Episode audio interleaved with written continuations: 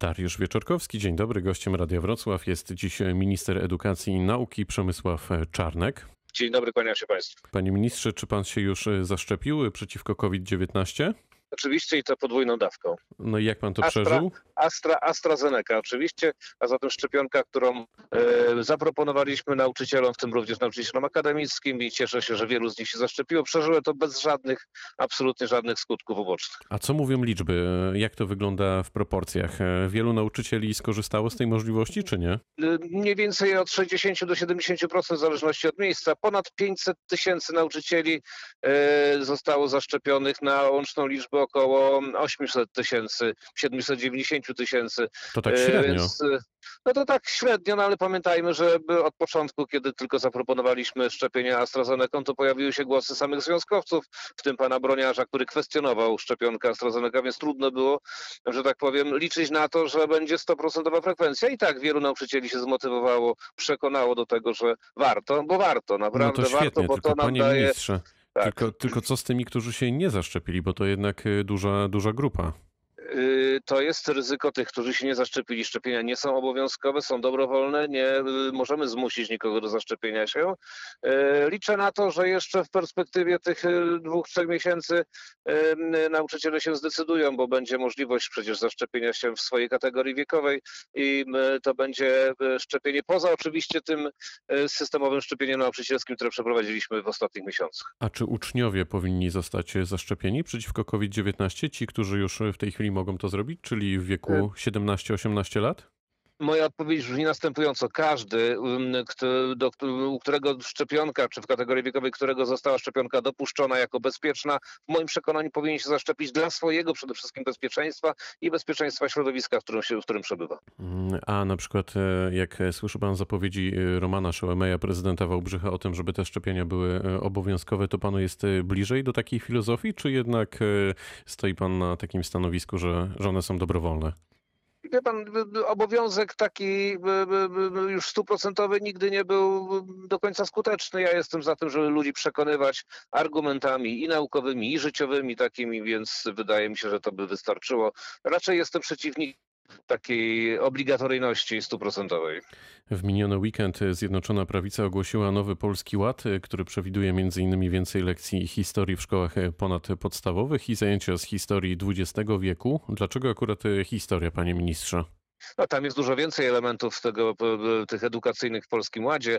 Y, Na tych dwóch się skupiliśmy, bo one rzeczywiście zostały zapowiedziane przez pana prezesa Jarosława Kaczyńskiego i rzeczywiście są niezwykle ważne. Historia dlatego, że no, jeżeli Polacy nie będą znali swojej historii, swojej przeszłości, nie będą w związku z tym no, związani ze swoją tożsamością, to siłą rzeczy Polska rozwijać się nie będzie. W związku z tym ta nauka historii musi rzeczywiście ulegać ewalu- ewolucji. Ona już ulega ewolucji w wyniku tego systemu 8 plus 4, który wszedł w- miejsce 6 plus 3 plus 3. Jest więcej godzin historii w siatce, w siatce godzin tygodniowo. Y, Uczniowie ostatnich klas szkół ponadpodstawowych będą się uczyli historii y, całego XX wieku i początku XXI wieku. Tego nie było w poprzednich latach, ale chcemy zrobić tak, jak zapowiedzieliśmy w Polskim Ładzie, czyli zrobić dwutorowo historia Polski, historia powszechna w szkołach ponadpodstawowych ze zwiększoną liczbą godzin. A my mamy problem e, ze swoją tożsamością?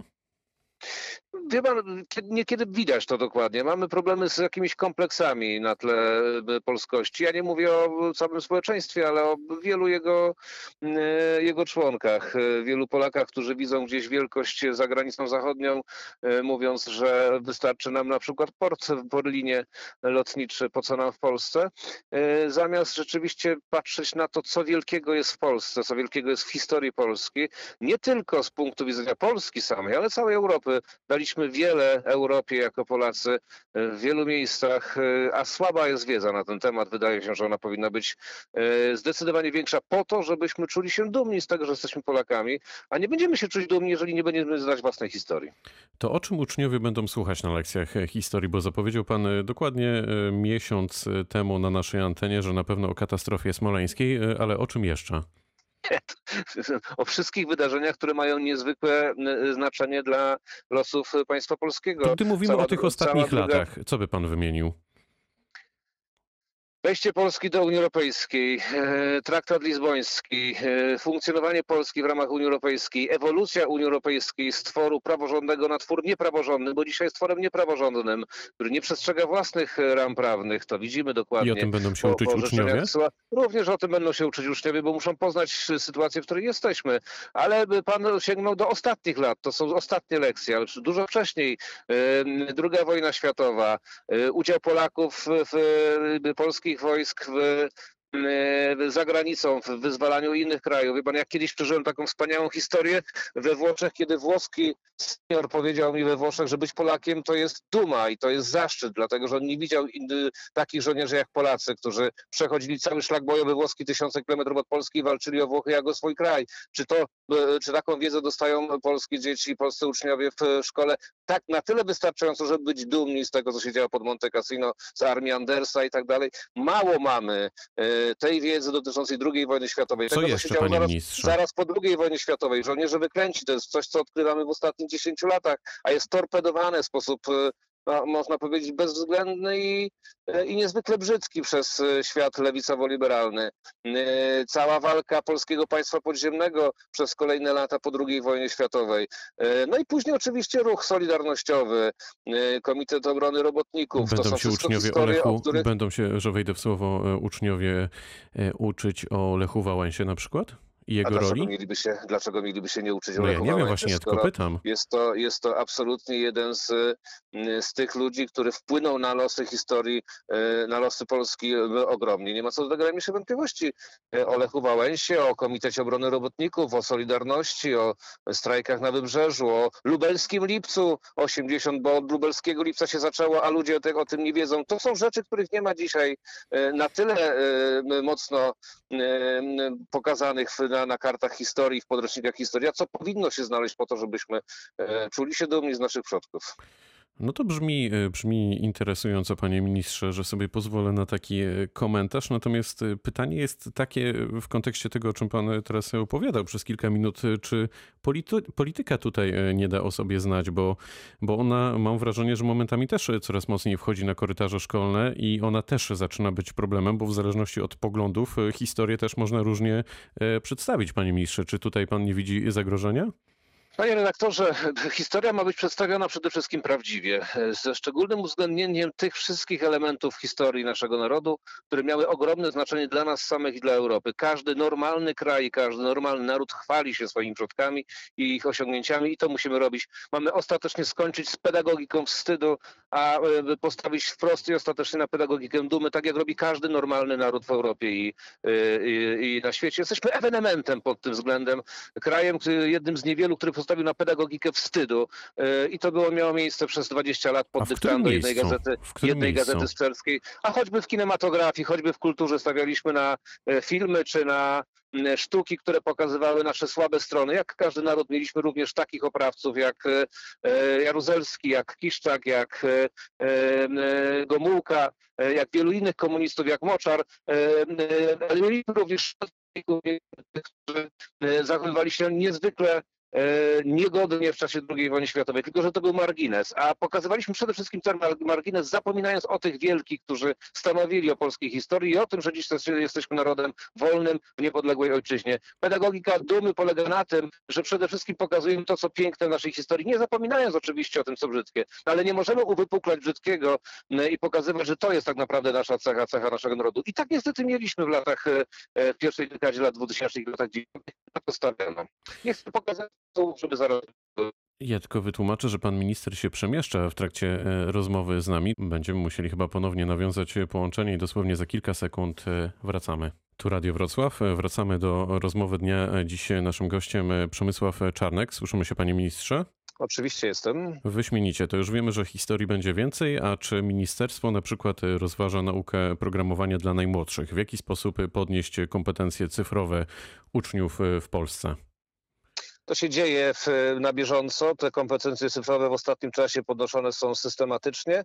To są inwestycje przede wszystkim w cyfryzację szkół i przedszkoli, które będą miały miejsce również w ramach e, Krajowego Planu Odbudowy i to na gigantyczną skalę, e, bo te kompetencje zależą przede wszystkim od inwestycji w, w informatyzację szkół e, i wyposażenie uczniów, nauczycieli w sprzęt najwyższej jakości.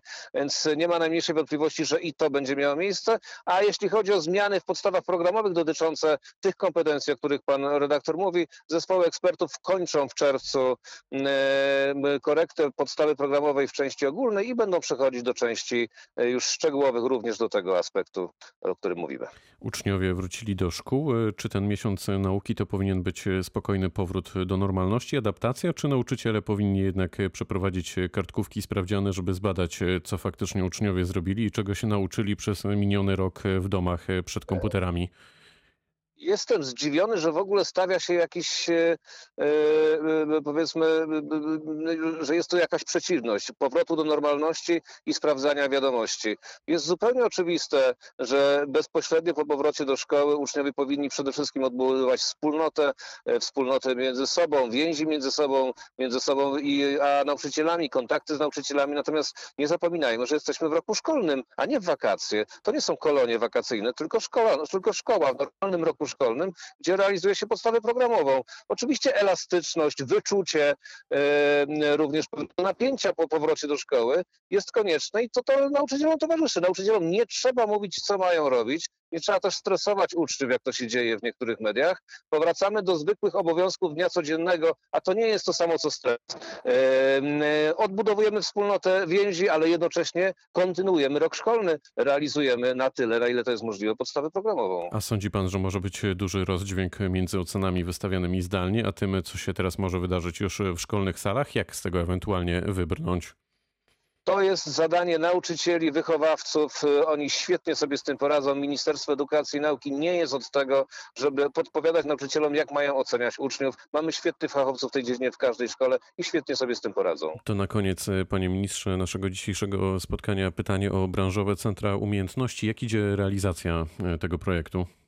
To jest ciekawa sytuacja, ponieważ wczoraj słyszałem z ust pana przewodniczącego Borysa Budki, że w ogóle nie ma żadnych planów na przyszłość, jeśli chodzi o rozwijanie szkolnictwa zawodowego. Przypomnę, że pod rządami Prawa i Sprawiedliwości w wyniku reform PiSu mamy już dzisiaj sytuację, w której 56% uczniów wybiera szkolnictwo zawodowe jednak, a nie ogólnokształcące. Zanim byliśmy u władzy, to większość wybierała szkolnictwo ogólnokształcące, y, ale w KPO Y, za którym nie zagłosował Borys Budka i Platforma Obywatelska, jest miliard trzysta milionów złotych na konkretny projekt budowania branżowych centrów umiejętności, które będą świetnym miejscem, w którym przedsiębiorcy, szkoły zawodowe i uczniowie będą mogli działać na rzecz rozwoju szkolnictwa zawodowego. Szkoda, że pan Borys Budka nie przeczytał KPO i nie zagłosował za KPO, a dzisiaj mówi, że nie widział tego rodzaju projektów. Minister Edukacji i Nauki Przemysław Czarnek był dziś gościem Radio Wrocław. Pięknie dziękuję za spotkanie. Dziękuję, kłaniam się Państwu. Pytał Dariusz Wyczorkowski. Dobrego dnia.